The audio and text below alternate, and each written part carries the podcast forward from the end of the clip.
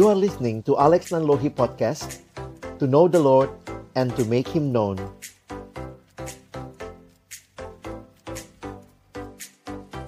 Kita berdoa Biarlah hidup kami kembali boleh terbuka di hadapan-Mu ya Tuhan.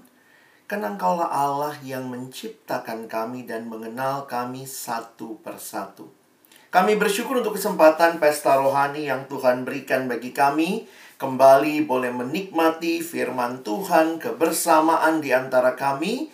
Dan kami rindu ya Tuhan sekali lagi. Engkau menyapa kami dengan kebenaran-kebenaran-Mu. Ketika kami akan membuka firman-Mu, bukalah juga hati kami. Jadikanlah hati kami seperti tanah yang baik. Supaya ketika benih firman-Mu ditaburkan itu boleh sungguh-sungguh berakar, bertumbuh dan juga berbuah nyata di dalam hidup kami. Berkati hambamu yang menyampaikan, setiap kami yang mendengar, juga interaksi di antara kami. Tuhan tolong agar kami bukan hanya jadi pendengar-pendengar firman yang setia, tapi mampukan dengan kuasa dan pertolongan dari rohmu yang kudus. Kami dimampukan menjadi pelaku-pelaku firmanmu di dalam hidup kami, di dalam masa muda kami. Bersabdalah ya Tuhan, kami anak-anakmu sedia mendengarnya dalam satu nama yang kudus, nama yang berkuasa, nama Tuhan kami Yesus Kristus. Kami menyerahkan pemberitaan firman-Mu. Amin. Shalom teman-teman, selamat pagi. Senang sekali boleh ber ini namanya apa? Berzumpa ya. Karena kita lewat Zoom ya. Jadi senang bisa ketemu dengan teman-teman bisa kenalan paling nggak saya lihat nama-namanya dan uh, saya juga bersyukur ya kesempatan ini Tuhan berikan untuk kita bersama-sama boleh belajar kebenaran firman Tuhan. Saya coba siapkan satu presentasi. Wah, ini agak mobil-mobilan kita ya. Temanya Tune Up Your Life ya. Nah, saya rindu di awal ini boleh kenal teman-teman juga kalau boleh kita sharing yuk teman-teman. Saya minta kita boleh share karena orangnya cukup banyak. Kalau share satu-satu sih kita nggak pulang sampai besok ya. Jadi yuk kita sharing. Coba perhatikan gambar ini saja ya. Nah, apa kabarmu hari ini? Nah, saya nggak tahu nih teman-teman kabarnya seperti apa. Saya nggak nanya kemarin, nggak nanya besok, tapi hari ini. Gimana kabar teman-teman? Nomor berapa yang paling menggambarkan kabarmu, perasaanmu hari ini. Yuk silakan di kolom chat, teman-teman bisa share ya. Iya, boleh. Uh, tadi aku pilih nomor 8. Mm -hmm. Kayaknya kalau lihat langsung lihat ke nomor 8, baru lihat itu langsung oh, gitu ya? nomor 8. Iya, iya, kayak, kayak ekspresin banget sih kalau lagi sendirian, lagi sendiri sih dalam oh, gitu. maksudnya kayak iya bosan sendiri di rumah mm-hmm. gitu kan. Apa apa sendiri sih ngerjain jadi ini ya masa-masa begini kayaknya lebih lebih real nomor 8 ya. Iya iya kita kasih puk-puk virtual deh buat Angelica ya. Ya biarlah camp ini juga bisa memberikan kesempatan kamu bisa kenal lebih banyak teman-teman dan gak ngerasa sendiri ya. Puk-puk virtual. Wah ada yang ini ya Kak Maria Angelica aku padamu. Boleh nggak satu lagi ya yang cowok kali ini? Tadi siapa ya? Tolong minta kesediaan. Ini kelihatan yang cowok yang mana aja ya? Jangan sampai banyak ceweknya lagi ya. Nanti kalau cewek semua kita arisan gitu. Binus dari Binus, Immanuel.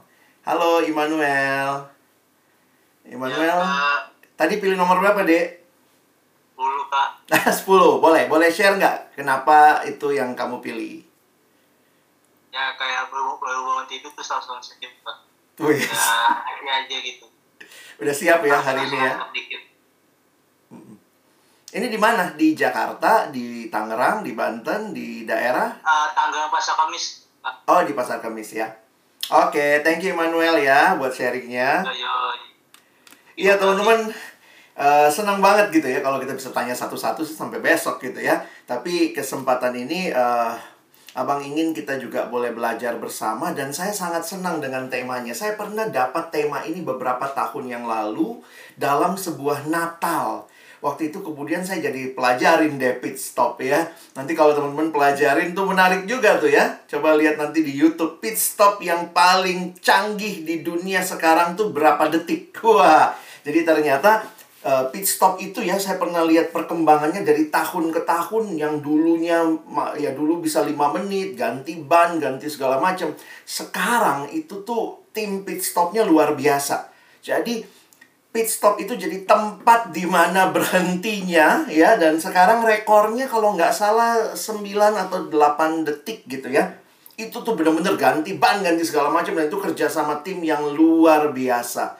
Tetapi dalam konteks uh, camp kita ini ya meet and grow ini saya pikir kita butuh melihat ya karena kita bicara repair ya kita akan di repair kita akan di tune up lah segala macam ya pakai istilah-istilah itu. Saya jadi ingat satu ungkapan. It's the stop that keeps you going. Kadang-kadang dalam dunia tuh begitu cepat semua hal terjadi tetapi ketika kita berhenti sejenak dan tentunya kan kita nggak buru-buruan berhentinya seberapa cepat berhentinya ya kita dikasih kesempatan camp ini menikmati sama-sama meet and grow ini untuk apa? Kita bukan stop untuk leha-leha, tapi ini adalah satu kesempatan kita coba repair lagi hidup kita. Kita coba tune up lagi, kita lihat lagi nih. Dan kemudian kita pun ready to go. Jadi orang yang terus maju tanpa pernah berhenti sebenarnya bisa jadi dia tidak maju lebih jauh dibanding mereka yang punya kesempatan-kesempatan berhenti sejenak. Di dalam berhenti itu kita merefleksikan hidup kita, kita mengevaluasi hidup kita dan ini bukan cuma buat peserta ya, ini juga buat saya, buat teman-teman panitia yang menyiapkan acara ini. Terima kasih Tuhan kasih kesempatan kita berhenti sejenak ya. Nah, kita akan mulai dengan melihat kisah dari Paulus. Ya, ini kisah pertobatan Paulus. Menarik sekali dalam kitab kisah Rasul saja sampai tiga kali di dalam khotbahnya atau sorry ya sampai tiga kali lah ya penulis in, uh, penulis kisah Rasul yaitu Dr. Lukas mencatat kisah pertobatan Paulus. Nanti teman-teman lihat lagi ya, salah satunya nanti muncul di akhir di kisah Rasul 26. Jadi, lihat kitab kisah Rasul mencatat pertobatan Paulus tuh sampai tiga kali dan itu agak berulang. Walaupun memang ada bagian yang sedikit berbeda di sana sini, tetapi pastinya ini bagian penting dalam hidup Paulus sampai penulis yaitu Dr. Lukas mencatatnya sampai tiga kali dimasukkan di dalam kitab kisah Rasul. Saya akan bacakan bagi kita, teman-teman kalau mau Alkitabnya terbuka silahkan. Kalau tidak, Kak Alex sudah tulis semua ayatnya ada di depan screen sehingga kalian tidak usah bolak-balik tapi tetap bisa memperhatikan. Sementara itu berkobar-kobar hati Saulus untuk mengancam dan membunuh murid-murid Tuhan. Ia menghadap imam besar dan meminta surat kuasa daripadanya untuk dibawa kepada majelis-majelis Yahudi di Damsyik. Supaya ia, jika ia menemukan laki-laki atau perempuan yang mengikuti jalan Tuhan, ia menangkap mereka dan membawa mereka ke Yerusalem. Dan dalam perjalanan ke Damsyik ketika ia sudah dekat kota itu, tiba-tiba cahaya memancar dari langit mengelilingi dia.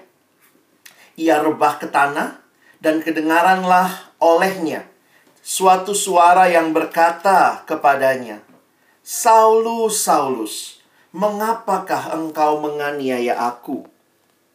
Jawab Saulus, siapakah engkau Tuhan? Katanya, akulah Yesus yang kau aniaya itu. Tetapi bangunlah dan pergilah ke dalam kota. Di sana akan dikatakan kepadamu apa yang harus kau perbuat.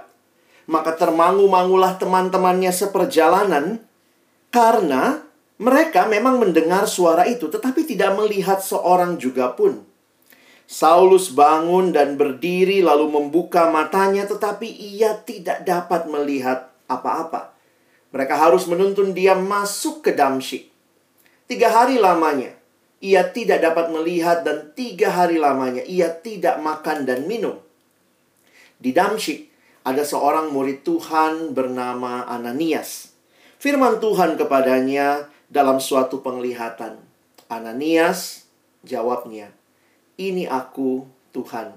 Firman Tuhan, "Mari pergilah ke jalan yang bernama Jalan Lurus dan carilah di rumah Yudas seorang dari Tarsus yang bernama Saulus. Ia sekarang berdoa." Dan dalam suatu penglihatan ia melihat bahwa seorang yang bernama Ananias masuk ke dalam dan menumpangkan tangannya ke atasnya supaya ia dapat melihat lagi. Jawab Ananias, Tuhan, dari banyak orang telah kudengar tentang orang itu, betapa banyaknya kejahatan yang dilakukannya terhadap orang-orang kudusmu di Yerusalem. Dan dia datang kemari dengan kuasa penuh dari imam-imam kepala untuk menangkap semua orang yang memanggil namamu. Tetapi firman Tuhan kepadanya, Pergilah, sebab orang ini adalah alat pilihan bagiku untuk memberitakan namaku kepada bangsa-bangsa lain, serta raja-raja dan orang-orang Israel. Aku sendiri akan menunjukkan kepadanya betapa banyak penderitaan yang harus ia tanggung oleh karena namaku. Lalu pergilah Ananias ke situ dan masuk ke rumah itu. Ia menumpangkan tangannya ke atas Saulus, katanya, "Saulus, saudaraku, Tuhan Yesus telah menampakkan diri kepadamu di jalan yang engkau lalui. Telah menyuruh aku kepadamu supaya engkau dapat melihat lagi." dan penuh dengan Roh Kudus. Dan seketika itu juga seolah-olah selaput gugur dari matanya, sehingga ia dapat melihat lagi. Lalu uh, ia bangun, lalu dibaptis. Sedemikian jauh pembacaan firman Tuhan. Berbahagialah kita yang bukan hanya membacanya, tetapi juga merenungkannya, melakukan dalam hidup kita, dan bahkan membagikannya. Teman-teman yang dikasih dalam Tuhan Yesus Kristus, kalau kisah ini dibikin sinetron, drama ya, wow, ini sangat-sangat spektakuler. Memang tidak semua orang yang berjumpa dengan Yesus punya pengalaman yang spektakuler. Tetapi ada orang seperti Paulus yang mengalami perjumpaan yang spektakuler dengan Tuhan. Apa yang terjadi dalam pengalaman Paulus? dia berjumpa dengan Kristus yang bangkit. The reason Jesus appeared to Saul on his way to apprehend Christian. Jadi dia bahkan dalam satu misi untuk menghancurkan kekristenan dan justru dia mendapat kesempatan perjumpaan yang mengubahkan hidupnya yang justru memanggil dia untuk memberitakan Injil kepada orang-orang non Yahudi dan orang Yahudi.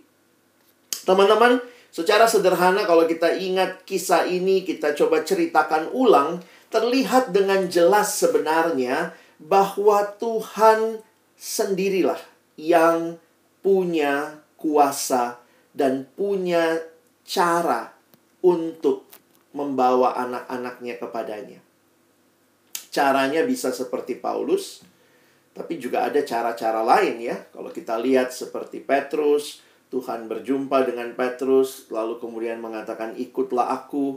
Tuhan juga berjumpa dengan Matius, Lewi di tempat dia di rumah cukai, kemudian dia mengikut Yesus. Tidak semuanya memang sangat spektakuler, tetapi cerita tentang Paulus ini menjadi hal yang menarik untuk kita renungkan bersama. Jadi kalau perhatikan upayanya Paulus atau masih namanya Saulus ya, upaya dia untuk menghabisi pengikut-pengikut Yesus tidak dapat dihentikan lagi. Dan kita sudah lihat itu mulai dari namanya muncul setelah kematian atau di saat kematian Stefanus. Di situlah pertama kali di kisah Rasul muncul nama Saulus. Seorang muda yang juga akhirnya dia minta surat sakti dari majelis Yahudi. Bahkan ini menjadi hal untuk mempermudah jalan untuk mencapai maksudnya, yaitu menghabisi pengikut-pengikut Yesus. Itulah ayat 1 dan 2 kalau teman-teman baca ya. Namun Tuhan Yesus nggak tinggal diam melihat semua itu. Dan di sinilah saya pikir luar biasanya.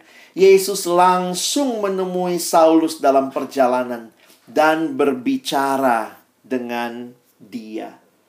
Teman-teman yang dikasihi Tuhan, Suatu pertemuan yang tentu akan membekas dalam ingatan Saulus. Sampai penulis kisah Rasul, Dr. Lukas pun mencatatnya sampai tiga kali. Karena ia kemudian tidak dapat melihat. Nah ini bayangkan ya, tiba-tiba bisa tidak melihat gitu buta tiga hari. Pasti nggak terlupakan. Sampai-sampai tiga hari itu dicatat dia tidak makan dan minum.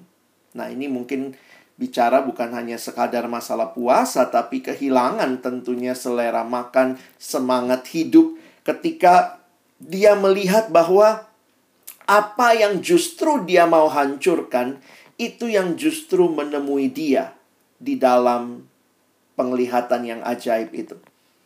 Yesus yang pengikutnya dia kejar-kejar ternyata berbicara langsung kepada dia. Jadi Yesus ini bukanlah Yesus yang mati, dia Yesus yang sungguh-sungguh hidup dan bukan sedang ada di dalam kubur. Yesus sungguh-sungguh Tuhan dan bukan nabi sesat seperti yang Paulus pikirkan. Karena itulah dia mau menghancurkan murid-murid Yesus. Dan menarik sekali. Yesus menganggap penganiayaan yang dilakukan Paulus kepada orang Kristen merupakan penganiayaan terhadap dirinya. Jadi kan yang yang Paulus uh, Saulus ini aniaya kan jemaat ya. Tetapi Yesus berkata ya, Kenapa engkau menganiaya aku? Wah, waktu merenungkan ini teman-teman, saya jadi melihat bahwa ketika umat Tuhan diserang, sebenarnya bukan cuma umatnya yang diserang ya, tetapi itu bicara melawan kepada Tuhan. Dan karena itu pun kita percaya bahwa Tuhan yang kita sembah, Dia Tuhan yang sanggup untuk melepaskan kita jika itu memang kehendaknya. Nah, teman-teman yang dikasihi Tuhan, kita belajar apa sih dari pengalaman Paulus ini atau Saulus namanya sebelum diubah? Saya coba menuliskan dari pertobatan Saulus ini kita belajar betapa keselamatan di dalam Yesus Kristus itu sungguh-sungguh anugerah dari Tuhan. Kadang-kadang orang bilang, wah keselamatan itu karena saya yang mau, saya yang datang cari Tuhan. Tapi lihat kisah ini. Kisah ini hanyalah membuktikan bahwa bukan kita yang mau cari Tuhan. Tapi anugerah itu terjadi karena Tuhan mengasihi dan mau menyelamatkan kita. Keselamatan di dalam kekristenan bukan apa yang saya lakukan supaya selamat Keselamatan di dalam kekristenan adalah apa yang Yesus lakukan supaya saya selamat. Makanya kalau kita menghayati seperti ini, sikap hati dalam kaitan keselamatan itu bukanlah sesuatu yang kita usahakan, tetapi sesuatu yang kita terima. Beda ya? Harusnya kita punya sikap hati. Keselamatan dalam kekristenan bukan sesuatu yang kita usahakan, upayakan, tetapi sesuatu yang kita terima. Karena itu adalah anugerah Allah. Bahkan kalau kita lihat, ketika tidak ada orang yang berani mendekati Saulus karena kejamnya orang ini, Allah sendiri bertindak. Makanya tadi dengar Ananias ya waktu dibilang sama Tuhan bilang sama Ananias dalam penglihatan pergilah orang ini alat pilihanku. Ananias bilang Tuhan please deh. Emang Tuhan nggak baca CV-nya Tuhan nggak baca track recordnya? Serem amat mau datengin dia begitu ya tapi Tuhan bilang, pergi. Kamu harus bertemu dengan dia. Sama kayak Paulus ya.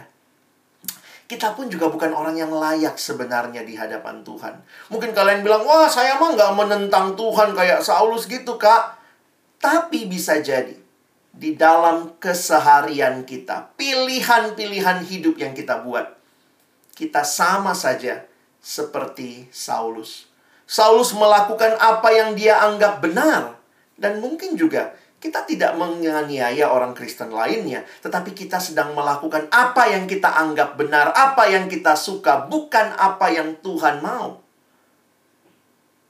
Tapi kita pun mengalami perjumpaan dan menerima firman itu sehingga kita menjadi orang percaya. Bagi kita yang sudah terima Yesus, Sudahkah kita bersyukur atas anugerah keselamatan yang Tuhan berikan? Dan maukah kita taat dipimpin oleh Yesus, Tuhan kita? Jadi menarik teman-teman ya untuk memperhatikan kisah pertobatan Paulus menyadarkan kita semua bahwa sungguh keselamatan itu adalah anugerah yang kita terima dari Allah.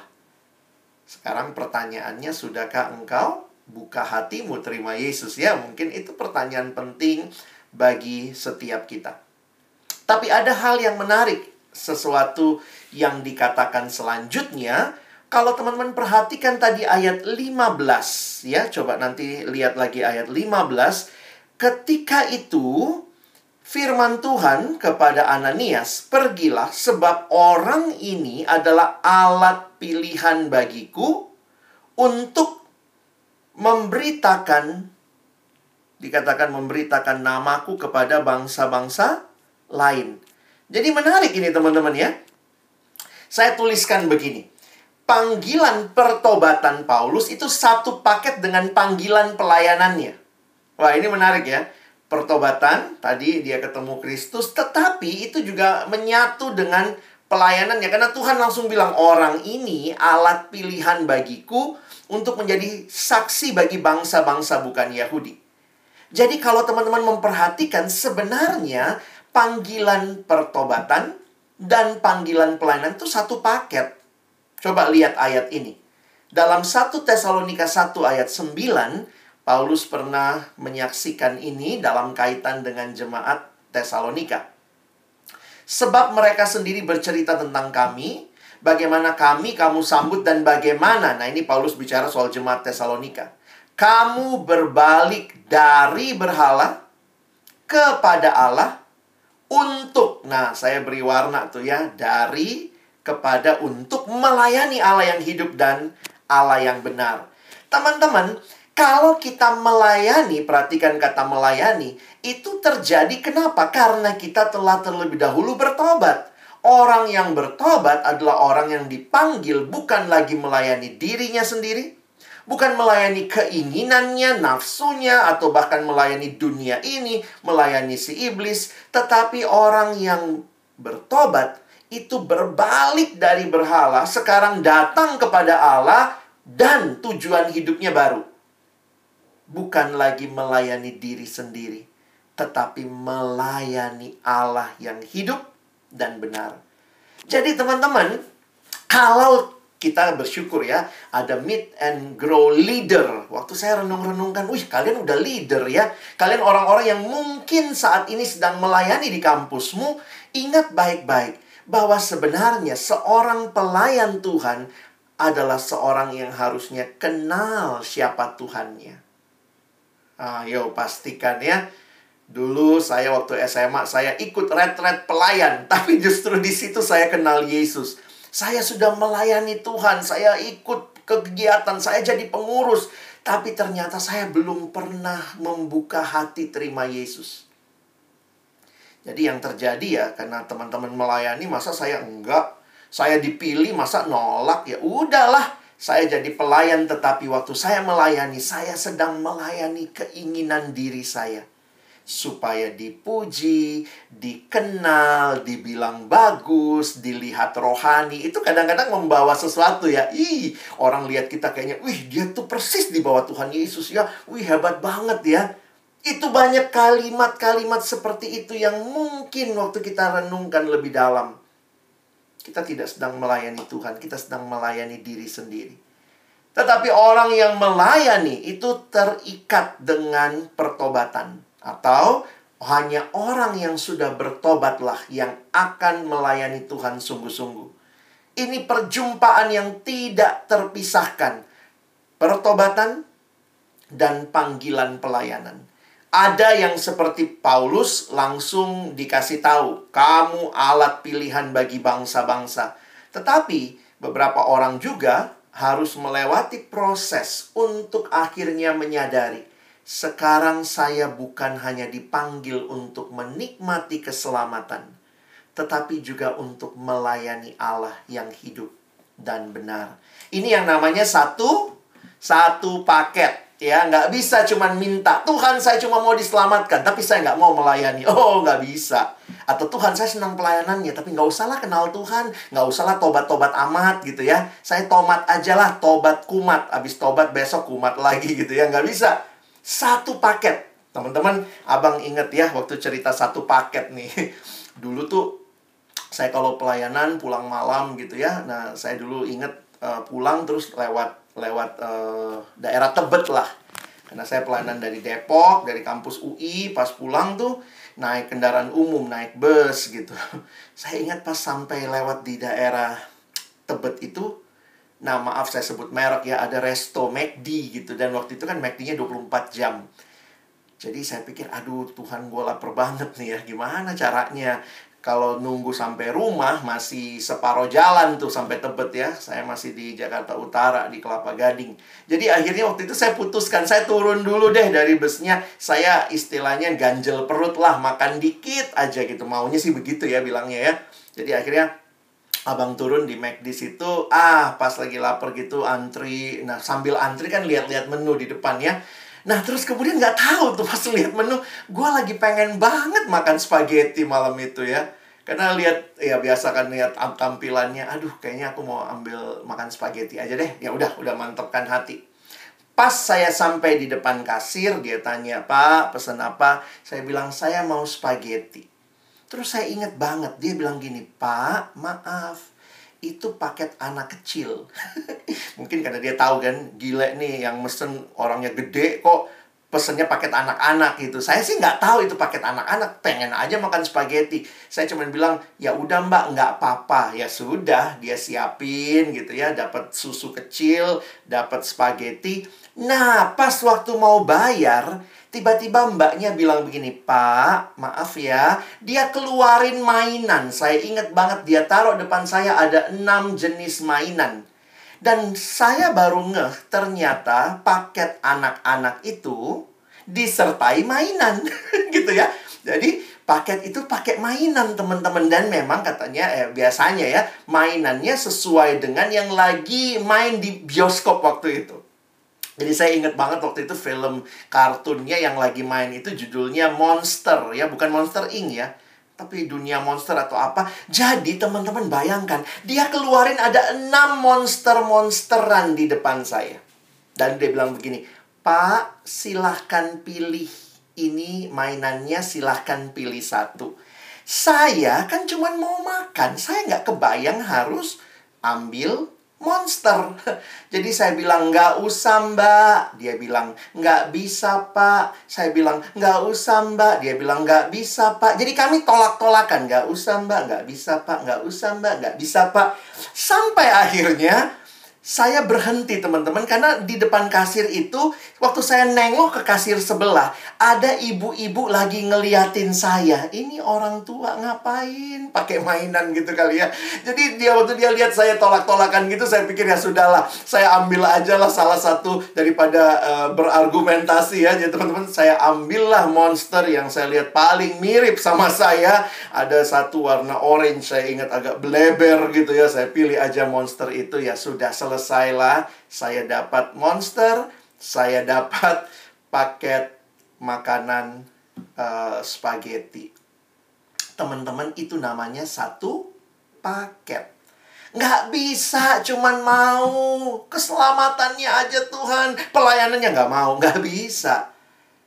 Atau saya mau uh, mainannya aja deh. Kalau misalnya saya gitu ya, aduh saya pokoknya ke sana cuma mau beli mainannya. Nggak bisa, mesti beli makanannya karena itu satu satu paket. Keselamatan yang Tuhan berikan tidak terlepas dari panggilan Dia untuk engkau dan saya melayaninya.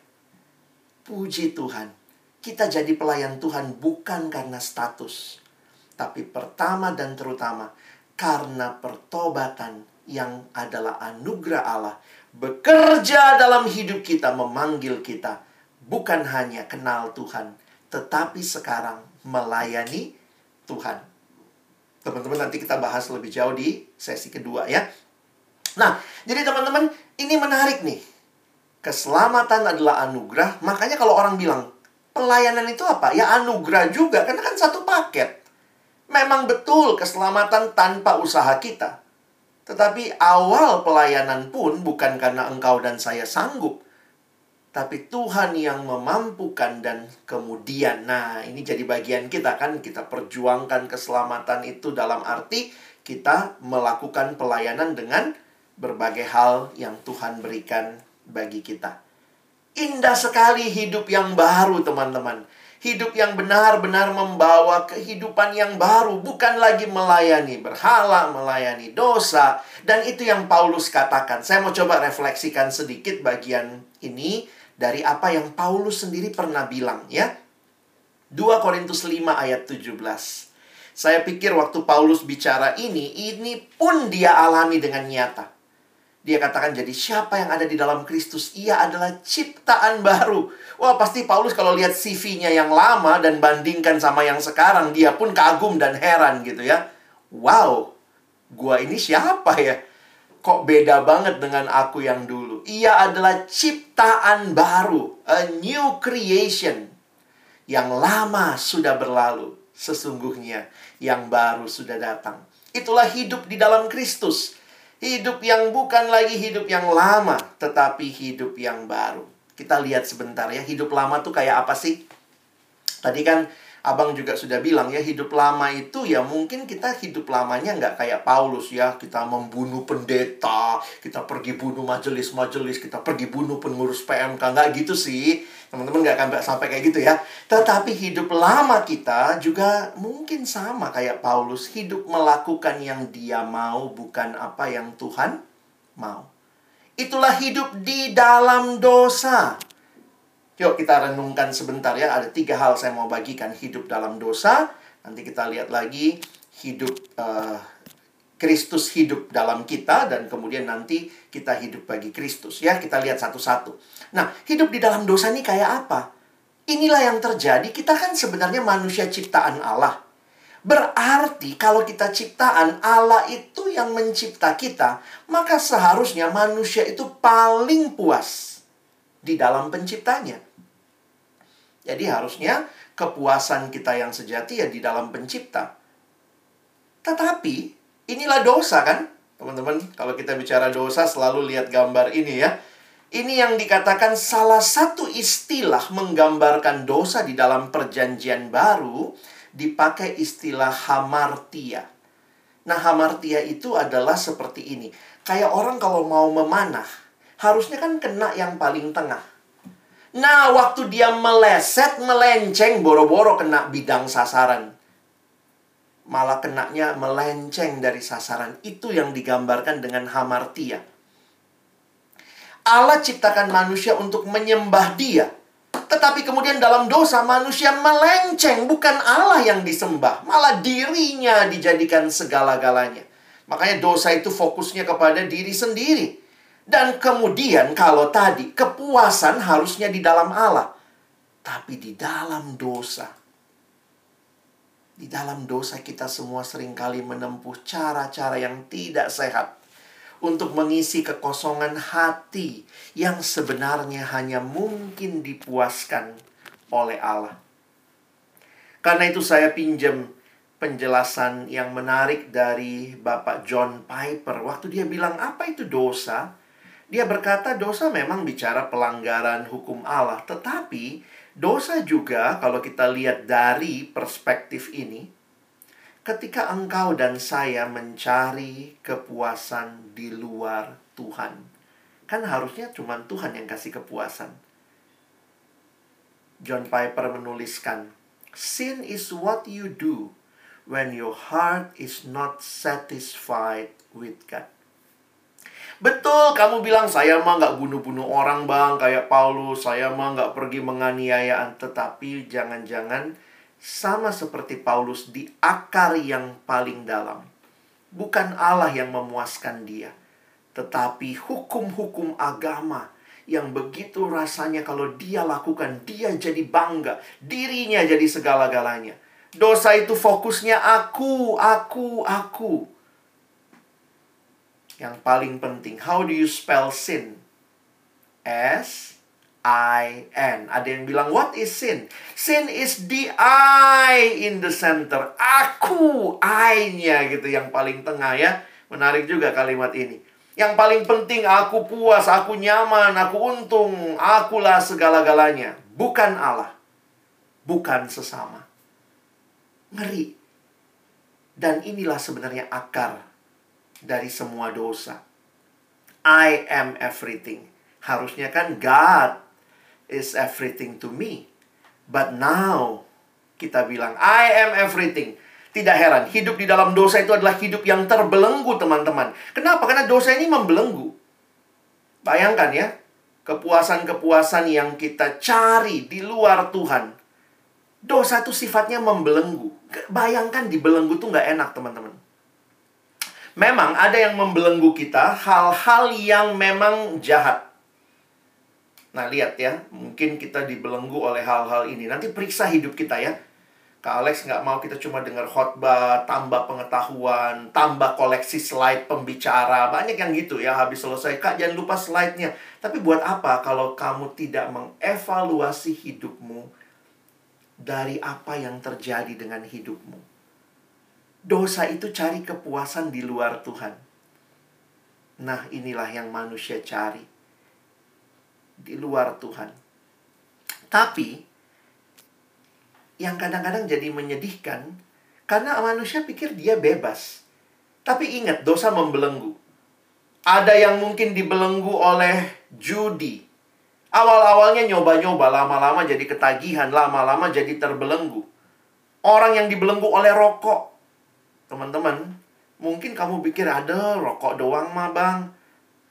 Aku di gereja juga ada pendetanya merokok. Tapi ingat, ketika kita terbelenggu dengan hal ini semua.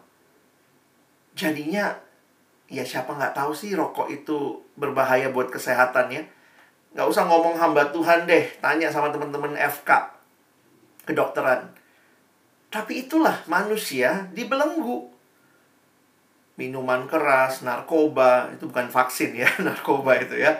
Jadi ini bayangan bahwa betapa mengerikannya dosa, sehingga saya pikir-pikir gini ya, kalau Tuhan, kalau Coba teman-teman, kalau kamu jadi Tuhan ya, gimana itu?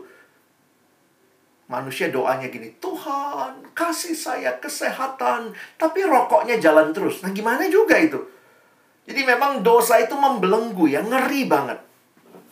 Dan di dalam dosa manusia tuh jadi bodoh, goblok. Ya maaf ya. Itu manusia di dalam dosa tuh kena penyakit jugulisme jugul udah dibilangin nggak mau bertobat nggak tahu nggak ngerti yang mana yang benar atau tidak nah inilah betapa mengerikannya dampak dari manusia cari kepuasan lain di luar Tuhan nah tapi teman-teman yang saya juga mau sampaikan ternyata kepuasan di luar Tuhan juga bisa kita dapat dari hal-hal yang sebenarnya baik. Tetapi kita sekali lagi pakainya bukan untuk kemuliaan Tuhan. Contoh HP baik nggak? Oh baik dong. Tetapi ketika HP membelenggu kita, dengan HP ini kita nikmati dosa, kita jatuh dalam dosa, bukan dipakai untuk kemuliaan Tuhan. Jadi, hal-hal yang baik bisa jadi ketika tidak dipakai dengan baik, justru membuat kita semakin jauh dari Tuhan. Katanya punya smartphone, tapi nggak smart. Nah, ini banyak yang terjadi di handphonenya jatuh dalam dosa, nikmati porno, di handphonenya chatting-chatting mesum, di handphonenya video call-video call bugil. Jadi itu dari mana? Dari smartphone, tapi nggak smart.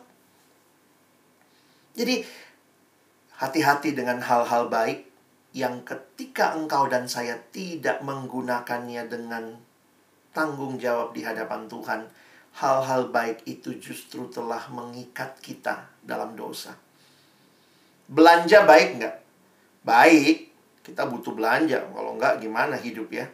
Tapi kalau kita gila belanja, nah sekali lagi, hal baik ketika tidak digunakan dengan baik, tidak mengikuti saran penggunaannya yang terbaik, malah kita jadi konsumerisme.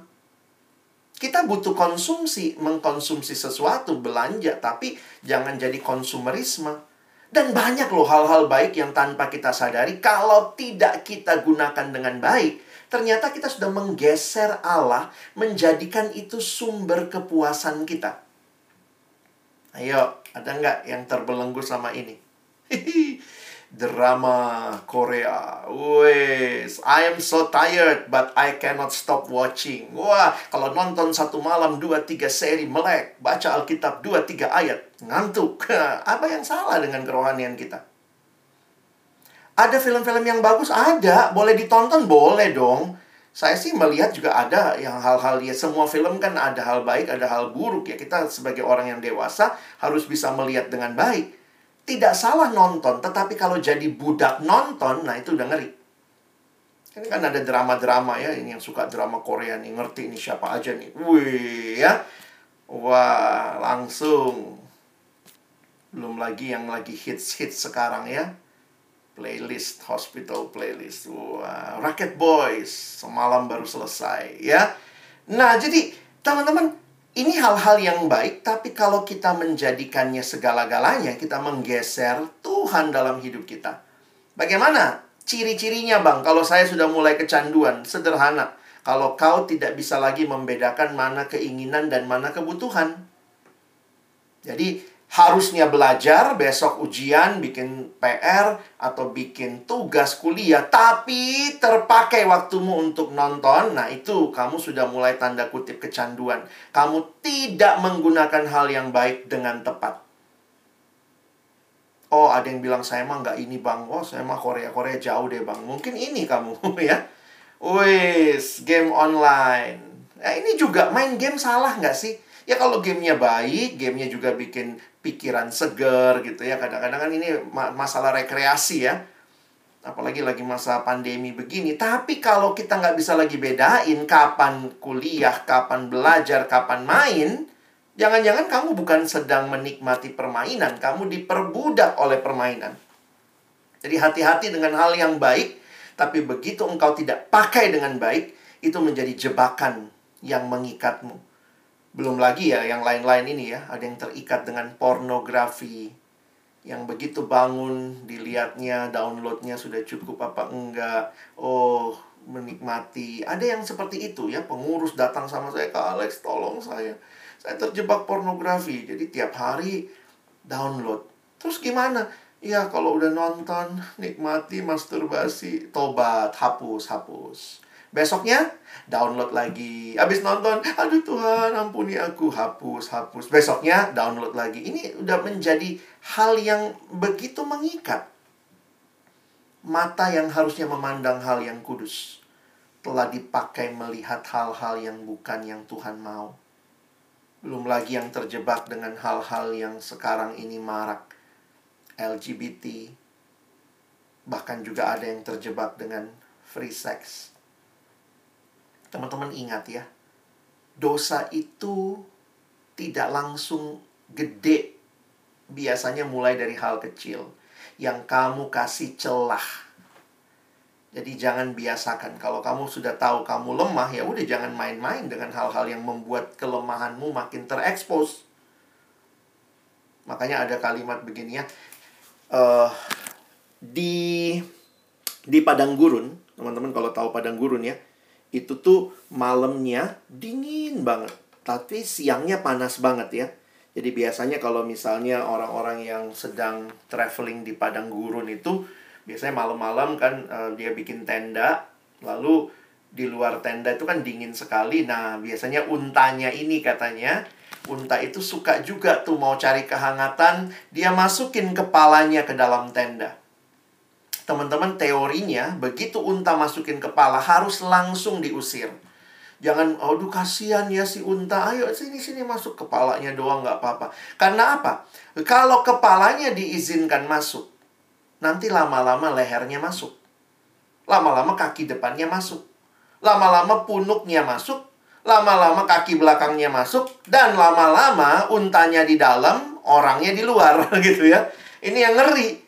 Jadi diingatkan kepada kita, jangan beri celah kepada iblis untuk hal-hal yang kita ya nggak apa-apa lah uh, hari ini download satu terus nanti download dua download tiga pornografi gitu ya. Gosip hari ini gosipin satu orang besok ditambah tiga. Lama-lama hati kita terbiasa bergosip lama-lama dikuasai. Kalau nggak gosip rasanya ada yang kurang lihat status orang iri hati. Iri hatinya di diterusin lagi. Gimana terusinnya? Liatin terus status orang tambah iri hati, tambah iri hati, mulai bencela, bikin akun palsu, lalu kemudian komen-komen jelek, haters gitu ya. Ih, ngeri banget loh manusia ini kita. Begitu kau beri celah sedikit, hati-hati. Dosa itu menyusup perlahan-lahan. Kita memberontak kepada Allah tuh secara sadar, tapi perlahan terjadinya memang pelan-pelan sehingga kadang-kadang kita nggak mengenali dampaknya yang menghancurkan. Kita mulai dengan kehilangan rasa hormat, kita nggak hormat sama diri kita, kita kehilangan kemampuan untuk berpikir sehat kayak tadi ya rokok. Siapa yang nggak tahu sih rokok itu berbahaya? Hilang kemampuan berpikir sehat kemampuan untuk berkata jujur. Kenapa? Misalnya ya, saya ingat waktu itu ada temen ketangkep dia sama mamanya Film porno siapa ini? Kenapa ada video porno, ada CD porno waktu itu? Eh, nggak tahu ya, siapa ya yang pakai laptopku ya? Ih, kenapa ya bisa ada di sini ya, Ma? Ya, eh, bohong. Jadi memang dosa tuh selalu mengikat ke dosa lain. Kehilangan kemampuan untuk berkata jujur, kehilangan kemampuan untuk memberi, boro-boro mikirin orang lain, yang dipikirin dirinya dan kepuasannya. Kemampuan untuk mengasihi, kemampuan untuk hidup kudus. Tidak heran Alkitab berkata dosa hanyalah membawa maut. Upah dosa adalah maut. Tapi di sinilah kita melihat dengan jelas anugerah Tuhan yang luar biasa. Di sinilah kita melihat bagaimana Paulus dijangkau oleh Allah. Sehingga saya harus katakan dalam terang firman Tuhan, tidak ada dosa yang terlalu besar yang membuat engkau jauh dari jangkauan kasih karunia Allah.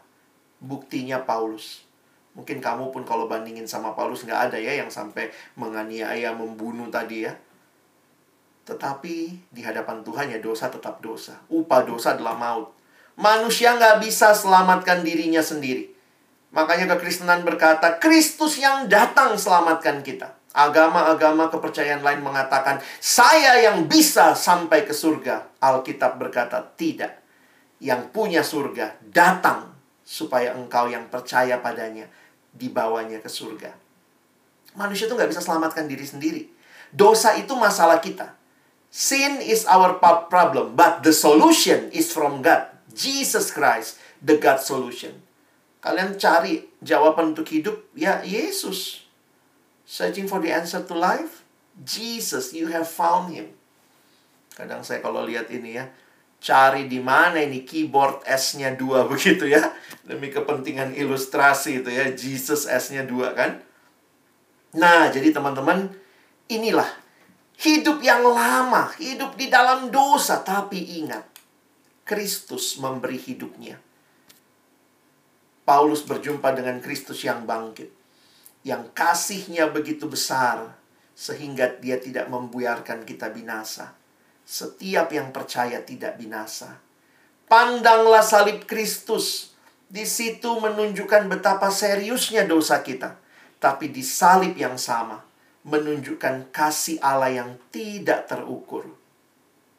Setiap kali melihat klip seperti ini, membayangkan apa yang dia harus jalani demi keselamatan engkau dan saya. Saya harus berkata, "Tuhan, It's all by your grace. Yesus bayar harga yang sangat mahal untuk penebusan kita. Pendeta Billy Graham berkata dalam satu khotbahnya, Kristus Allah membuktikan kasihnya pada kayu salib ketika Kristus digantung, berdarah dan mati.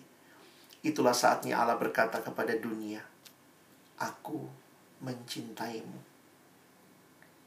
Saudara mau belajar kasih? Lihat salib Kristus. Sebuah kutipan yang selalu saya munculkan kalau khotbah karena saya sangat terkesan. Ini memang nggak bisa diterjemahin ya karena ada keindahan permainan kata di sini. If we are looking for a definition of love, we should look not in a dictionary. Benar ya? Bukan buka kamus, apa itu love? But at Calvary. Di Calvary itulah kita melihat kasih Allah yang besar. Kalau anak sekarang bilangnya apa? Sarange, sarange gitu ya. Ini tandanya kan, sarange, sarange ya. Ini love, This is not love. This is love. Inilah kasih. Kasih yang dinyatakan dengan kematian Kristus di kayu salib. Dosa telah dikalahkan di kayu salib. Kematian Kristus ini dasar pengharapan kita. Tapi ini juga janji bagi kemenangan kita. Salib merupakan satu-satunya jalan keselamatan. Dan salib memberikan tujuan baru bagi kehidupan. Paulus bertanya, "Siapakah engkau, Tuhan?" Dia katakan, "Aku yang engkau aniaya. Kau menganiaya aku, tapi aku memberikan hidupku supaya engkau tidak hidup lebih lama di dalam dosa dan sekarang punya tujuan hidup yang baru." Nah, sekarang hidupnya bukan bagi dirinya, tetapi bagi Kristus. Ayat ini jelas 2 Korintus 5 ayat 15. Tadi kita baca ayat 17 ya. Kadang-kadang kita mesti baca semuanya dan Kristus telah mati untuk semua orang supaya mereka yang hidup tidak lagi hidup untuk dirinya sendiri. Nah, hidup kayak apa tuh hidup untuk diri? Itulah hidup dalam dosa. Hidup dalam dosa itu titiriri, mati-matian untuk diri sendiri. Aku, aku, aku. Tetapi ketika Kristus memberikan hidupnya, sekarang aku tidak lagi hidup untuk diri sendiri, tapi hidup untuk Dia yang telah mati dan telah dibangkitkan untuk mereka. Teman-teman, hidup kita hidup yang baru bukan karena kita yang sanggup memberikan hidup itu, tapi karena Kristus kasih hidupnya. Kita kan harusnya mati, Yesus yang hidup. Malah terbalik, sekarang Yesus yang mati supaya kita hidup. Kalau begitu sekarang kita hidup untuk siapa? Paulus langsung bilang, bukan untuk diri sendiri. Tapi untuk dia yang telah mati dan telah dibangkitkan untuk mereka. Nah, kita bisa pahami ya Kristus mati agar engkau dan saya tidak lagi hidup dalam dosa, tapi hidup untuk kebenaran. 1 Petrus 2 ayat 24. Iya, Yesus sendiri telah memikul dosa kita di dalam tubuhnya di kayu salib supaya kita, nah lihat ada tujuannya, supaya kita yang telah mati terhadap dosa sekarang hidup untuk kebenaran. Oleh bilur-bilurnya kamu telah sembuh.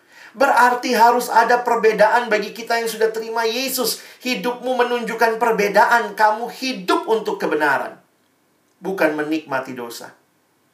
Bukan kuliah, nyontek, copy paste, paper. Tapi benar-benar hidup bagi Allah. Cara belajarmu berbeda. Orang waktu lihat, yes, ini beda. Ini menunjukkan dia bukan hidup dalam dosa. Cara bergaulmu berbeda kamu tidak bergaul sekadar supaya dapat teman yang kayaknya, aduh aku kesepian kalau nggak punya teman. Tapi banyak teman yang tidak dalam Tuhan malah membuatmu lebih jauh dari Tuhan. Bergaul dengan orang-orang yang membangun imanmu. Kalau sudah pacaran, cara pacaranmu berbeda. Karena apa? Seks karunia Tuhan dan hanya dinikmati hubungan seks di dalam konteks pernikahan. Tidak main-main waktu pacaran True love waits. Ada kalimat di bawahnya ya. Save it until marriage. Jangan buka kado sebelum waktunya ya. Tunggu waktunya. True love waits. Itulah. Jangan pacaran yang mempermalukan Tuhan. Tapi pacaranlah yang mempermuliakan Tuhan. Nah, tadi kita ingat ya. Paulus bertobat satu paket dengan panggilan pelayanan. Makanya kalau kalian lanjutkan 2 Korintus 5, nah ini ayat terakhir yang Abang coba jelaskan ya. 2 Korintus 5 kalau baca ke bawahnya, perhatikan penghayatan Paulus. Sebab Allah mendamaikan dunia dengan dirinya oleh Kristus dengan tidak memperhitungkan pelanggaran mereka. Nah, ia Allah telah mempercayakan berita pendamaian itu kepada kami Paulus sadar betul kalau dia mengalami, keselamatan, sekarang dia dipanggil untuk memberitakan keselamatan itu. Karena itu teman-teman, Paulus melayani. Paulus memberitakan Injil. Kenapa hanya Injillah pengharapan manusia yang bisa membawa kita untuk melihat apa yang sebenarnya menjadi rencana Allah yang merindukan supaya kita diselamatkan. Nah, teman-teman, apa panggilanmu? Tuhan panggil kamu di mana? Iya kak, saya sudah bertobat, saya sudah terima Yesus. Puji Tuhan. Sekarang Tuhan panggil kamu melayani di mana? Untuk membawa berita pendamaian itu, membawa berita Injil itu, bahwa Allah mengasihi dunia ini. Nah, teman-teman, bersyukur ya. Di kampus-kampus kita ada persekutuan mahasiswa Kristen. Apa sih visinya persekutuan mahasiswa Kristen? Ya ini kerinduannya adalah lahirnya mahasiswa-mahasiswa yang mengenal Kristus, bertumbuh jadi murid yang setia, taat, dewasa, tangguh, menjadi teladan sehingga akhirnya jadi alumni yang menjadi berkat bagi keluarga, gereja, bangsa, dan bahkan dunia. Teman-teman, kadang saya berpikir, Tuhan engkau mau saya melayani di mana? Tuhan bilang, nggak usah jauh-jauh. Di mana kamu sekarang? Di kampus Tuhan. Ya sudah, di situ kamu melayani. Saya bertobat dan saya dipanggil Tuhan. Di mana saya sekarang? Saya ada di kampus. Tuhan, tolong saya. Karena itu persekutuan mahasiswa Kristen adalah tempat di mana pemimpin-pemimpin ya meet and grow ya hari ini ya. Waktu mahasiswa masuk, ini dapurnya, pabriknya namanya PMK, lahir jadi alumni yang akhirnya jadi berkat, teman-teman. Ini kan yang kita usahakan. Apakah teman-teman yang ada di kampus-kampus para koordinator, tim inti, mungkin kalian pengurus, pemimpin kelompok kecil, pemimpin KTB, pelayan, apa pun namanya gitu ya. Apakah kamu rindu dipakai Tuhan di dalam pelayanan mahasiswa? Supaya apa? Saya tuliskan. PMK melalui setiap programnya menghasilkan mahasiswa alumni yang berjumpa dengan Tuhan secara pribadi menghasilkan mahasiswa dan alumni yang rela bayar harga untuk melayani Tuhan dan sesama. Menghasilkan alumni dan mahasiswa yang menemukan dan sadar panggilan hidupnya dan menyerahkan diri kepada Allah yang memanggil mereka. Karena itu saya bersyukur ya, di kampus-kampus Tuhan tidak hanya beritakan Injil ketika ada yang bertobat, Tuhan kasih kesempatan. Salah satunya jadi pengurus di PMK kan? jadi pengurus, jadi pelayan karena panggilan pertobatan terkait dengan panggilan pelayanan. Kalau betul Tuhan panggil teman-teman di kampus, ya lakukan dengan baik. Tentu dong persekutuan di kampus harus ada yang ngurus, masa nggak ada yang ngurus? Kayak kita bikin camp begini, masa tiba-tiba saya datang gitu jadi pembicara. Terus kamu tanya, Kak Alex, Siapa yang ngundang? Oh tadi malam Roh Kudus bicara sama saya Lalu suruh datang besok Ini Zoom meetingnya, ini Zoom linknya Enggak, saya tuh diundang Siapa? Karena ada yang mau beri diri ngurusin ini Teman-temanmu Sehingga kasih Tuhan sampai kepadamu Ketika ada orang-orang yang memberi diri melayani Maukah engkau menyatakan kasih Tuhan kepada teman-teman di kampusmu? Dengan jadi pengurus yang baik, jadi pelayan Tuhan. Kalau kalian lagi mimpin KTB, mimpin kelompok kecil, memimpin dengan baik. Jadi ini yang kita sudah lihat ya. Hidup dalam dosa, bukan itu rencana Tuhan. Karena itu Kristus memberi hidupnya. Sehingga engkau dan saya hidup bagi Kristus. Punya hidup yang benar. Dan hidup yang punya misi. Bukan lagi apa yang aku mau tapi apa yang Kristus mau. Bagaimana respon kita? Maukah kita buka hati terima Yesus dalam hidup kita? Ada yang tanya, terima Yesus tuh kayak apa sih kak? Saya dari kecil mah udah Kristen. Saya melihat dua hal tentang terima Yesus. Coba kalian pikir. Pertama, terima Yesus berarti saya sungguh-sungguh percaya bahwa hanya Yesus satu-satunya Tuhan dan Juru Selamat secara pribadi. Percaya itu berarti berserah. Kayak gini ya, ini anak yang berserah kepada orang tuanya. Teman-teman saya dari kecil Kristen, tapi saya sungguh-sungguh percaya justru kelas 1 SMA. Dalam satu ibadah ketika Injil diberitakan, di situlah saya sadar, selama ini saya pikir saya sudah lumayan baik. Tapi ternyata saya masih percaya sama diri saya saya percaya usaha saya membawa saya kepada keselamatan. Tapi malam itu, Tuhan menyatakan, Aku yang memberikan anugerah. Maukah engkau percaya? Dulu percaya Tuhan hari Minggu, hari lain ya percaya ramalan, percaya dukun, percaya percaya yang nggak benar gitu ya, percaya pornografi memberi kepuasan. Hari Minggu sih ke gereja, oh kudus, kudus, holy, holy. Orang yang terima Yesus benar-benar meyakini bahwa hanya Yesus satu-satunya Tuhan dan Juru Selamat dan yang dapat menyanggupi memberi kepuasan. Tapi bukan hanya percaya, selalu ada pertobatan. Paulus menggunakan istilah ada yang ditanggalkan, ada yang dikenakan. Karena itu bukan hanya percaya tapi juga bertobat. Maukah teman-teman datang kepada Tuhan, akui dosamu. Mazmur 32 ayat 5 mengatakan, Dosaku kuberitahukan kepadamu, dan kesalahanku tidaklah kusembunyikan. Aku berkata aku akan mengaku kepada Tuhan pelanggaran-pelanggaranku dan engkau mengampuni kesalahan karena dosaku. Ketika engkau dan saya datang mengakui dosa kita, Tuhan tidak mempermalukan kita. Tapi dia berjanji mengampuni kesalahan karena dosa-dosa kita. Sehingga kita bisa berkata sekarang yes. Bukan yes kepada dosa. Yes to God. No to sin. Jangan terbalik ya. Yes to sin. No to God. Enggak. Yes to God.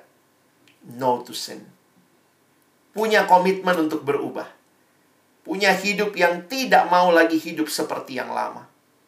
Punya komitmen terus bertumbuh. Saya rindu Tuhan makin kenal engkau, makin bertumbuh. Salah satunya Tuhan hadirkan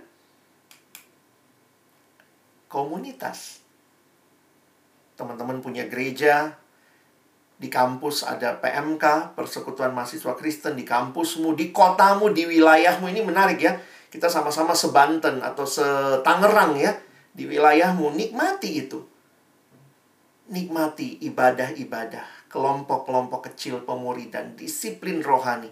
Karena ini cara Tuhan untuk membangun engkau Paulus dipakai Tuhan di zamannya setelah dia bertobat dia dipanggil memberitakan kebenaran saat ini Maukah engkau dipakai Tuhan di generasi ini? Pertama-tama buka hatimu terima Yesus. Dan jika engkau sudah membuka hati terima dia, hidup benar dalam dia.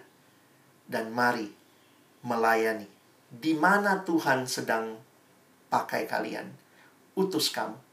Supaya lebih banyak orang lagi yang mendengar Injilnya dan hidup di dalam dia. Ini satu paket. Terima Yesus, bertobat, dan hidup bagi Yesus melayani dia. Maukah teman-teman untuk menyerahkan hidupmu kepada Kristus? Saya beri waktu secara pribadi di dalam doa, dalam waktu tenang ini. Silakan teman-teman meresponi panggilan Allah. Sebagai hamba Tuhan, saya akan memberikan beberapa pertanyaan untuk engkau jawab, dan kiranya engkau menjawabnya dengan jujur di hadapan Tuhan. Siapa adik-adikku yang setelah dengar firman Tuhan hari ini? Engkau berkata, "Tuhan Yesus, di sini saya." Selama ini saya menikmati hidup di dalam dosa dengan semua yang aku ingini. Tapi setelah dengar firman-Mu hari ini, maka saya untuk pertama kalinya mau buka hatiku, terima Yesus sebagai satu-satunya Tuhan dan Juru Selamat dalam hidupku. Jika ada adik-adikku yang hari ini mau ambil keputusan ini, membuka hatimu, untuk pertama kalinya menerima Yesus sebagai satu-satunya Tuhan dan Juru Selamat. Dalam sikap hormat di hadapan Tuhan, taruhlah tangan kananmu di dada sebagai bentuk wujud penyerahanmu kepada Tuhan. Jika engkau mau buka hati terima Yesus, saya rindu mendoakan keputusanmu. Tuhan kau lihat setiap adik-adikku yang buka hatinya terima engkau. Terima kasih untuk kasih karuniamu, anugerahmu yang berlimpah. Tuhan pegang hidup mereka. Mereka milikmu Tuhan. Dan bagi engkaulah seluruh hidup kami. Yang kedua, adakah teman-teman yang berkata, saya sih sudah pernah terima Yesus, Kak. Maka engkau tidak perlu lagi terima Yesus, karena itu cuma satu kali kau lakukan. Tetapi seiring berjalannya waktu, mungkin kau jatuh lagi dalam hidup yang lama. Kau menikmati lagi dosa-dosa yang lama. Dan hari ini setelah dengar firman Tuhan, kau katakan, Tuhan saya tidak mau lebih lama lagi menikmati dosa. Bagi kalian yang sudah pernah terima Yesus, kali ini engkau membutuhkan pembaharuan. Karena itu, kalau Tuhan menggerakkan hatimu, siapa yang berkata, "Tuhan, di sini saya baharui saya sekali lagi"? Saya sudah pernah berjanji, saya buka hati terima Yesus, tapi saya kemudian jatuh lagi dalam hidup yang lama. Dan hari ini Tuhan baharui saya kembali. Bagi adik-adikku yang rindu dibaharui. Mungkin kamu sudah melayani, kamu pengurus, kamu terlihat hebat. Tapi kamu sadar di hadapan Tuhan, Tuhan tahu hatimu yang terdalam. Dan siapa yang berkata, Tuhan baharui saya supaya pelayanan saya bukan pelayanan yang munafik. Hidup saya bukan hidup yang pencitraan, kelihatan baik di luar, tetapi busuk di dalam. Siapa yang berkata, Tuhan baharui saya? Taruh tangan kananmu di dada dan Kak Alex akan doakan. Tuhan kau lihat setiap adik-adikku. Kami terbatas melihat satu sama lain, tapi Tuhan matamu tidak terbatas melihat kami. Bagi adik-adikku yang mau dibaharui, Tuhan hari ini baharuilah sekali lagi. Ini kerinduan supaya kami tidak hidup menikmati kemunafikan, tapi hidup bagi Allah. Teguhkanlah, baharuilah sekali lagi ya Tuhan. Dalam nama Yesus kami berdoa. Amin. Dan yang terakhir, maukah saudara terus bertumbuh? Tuhan hadirkan persekutuan secara khusus di kampus, di kotamu, di wilayahmu. Maukah engkau bertumbuh? Maukah engkau setia ikut ibadah? Kalau ada kelompok pemuridan di kampus, ikuti dengan baik. Bangun hidup yang disiplin dalam kerohanian di hadapan Tuhan. Jika adik-adikku kau katakan, Tuhan aku mau terus bertumbuh. Mari ambil waktu ini untuk berdoa bagi keputusanmu secara pribadi. Tuhan, tolong aku terus bertumbuh. Silakan ambil waktu ini berdoa secara pribadi.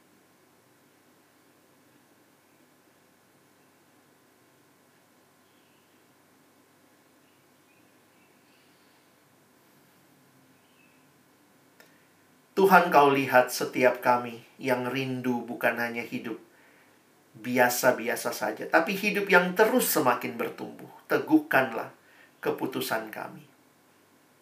Tolong kami bukan hanya membuat janji ini, tetapi juga tolong kami dikuatkan untuk melakukannya di dalam anugerah Tuhan. Terima kasih buat kesempatan kami boleh mendengar firman dan bahkan meresponi firman. Sekali lagi kami bersyukur di dalam nama Tuhan Yesus. Kami sudah berdoa. Amin. Teman-teman yang dikasihi Tuhan di akhir dari sesi ini, izinkan saya meminta kesediaan kita untuk memberi respon yang bisa kita syukuri dan kita doakan bersama. Kalian akan mengisi Padlet dan ini tanpa nama ya, anonim. Silakan panitia bisa copy linknya dan teman-teman dalam waktu yang ada apa komitmen teman-teman setelah mendengar firman Tuhan? Ada link Padlet yang bisa di-share. Kalian bisa coba perhatikan linknya. Padlet.com atau mau scan silahkan. Di situ saya minta kalau kamu ambil keputusan sesuai dengan yang kamu buat tadi, silahkan tinggal di vote saja. Kalian tinggal vote yang mana yang menjadi keputusanmu. Tetapi saya juga minta jika ada dosa-dosa yang mau kau tinggalkan. Silakan klik tanda tambahnya nanti kalian bisa tulis. Tidak ada yang akan tahu karena ini semua tanpa nama. Tapi kiranya kita pun bisa meresponi ya.